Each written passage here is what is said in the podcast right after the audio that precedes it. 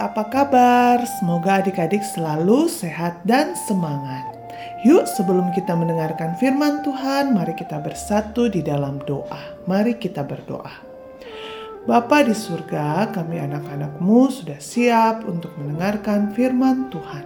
Tuhan pimpin agar kami dapat mengerti dan kami siap melakukannya di dalam kehidupan kami.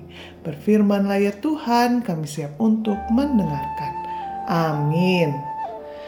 Nah, adik-adik, pembacaan firman Tuhan hari ini terambil dari Markus 1 ayat 16 sampai ayat 20. Markus 1 ayat 16 sampai ayat 20. Mari kita baca sama-sama.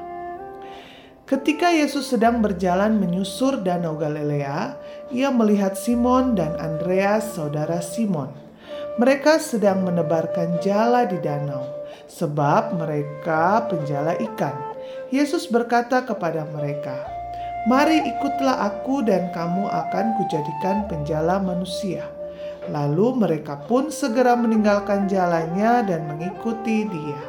Dan setelah Yesus meneruskan perjalanannya, sedikit lagi dilihatnya Yakobus anak Sebedeus dan Yohanes saudaranya sedang membereskan jala di dalam perahu. Yesus segera memanggil mereka dan mereka meninggalkan ayahnya.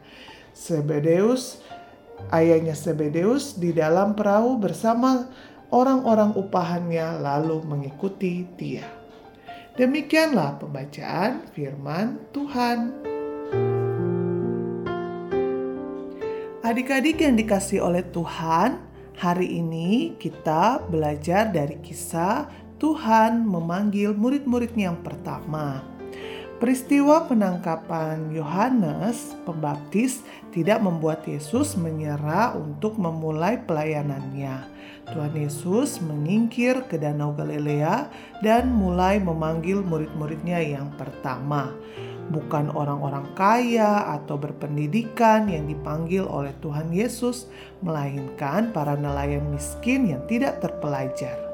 Ini menjadi bukti bahwa kekayaan dan kepandaian tidak menjadi syarat untuk menjadi murid Tuhan Yesus, tapi kesungguhan dalam menerima Tuhan Yesus sebagai Juru Selamat dengan menjawab panggilan Tuhanlah yang menjadi syaratnya.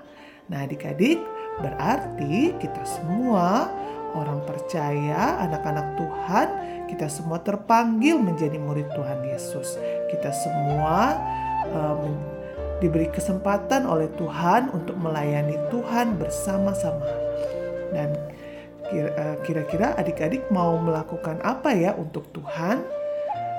Hmm, kita bisa mengajak teman-teman kita untuk rajin beribadah kita bisa membagikan firman Tuhan melalui uh, media sosial atau melalui WhatsApp grup kita atau melalui status WhatsApp kita.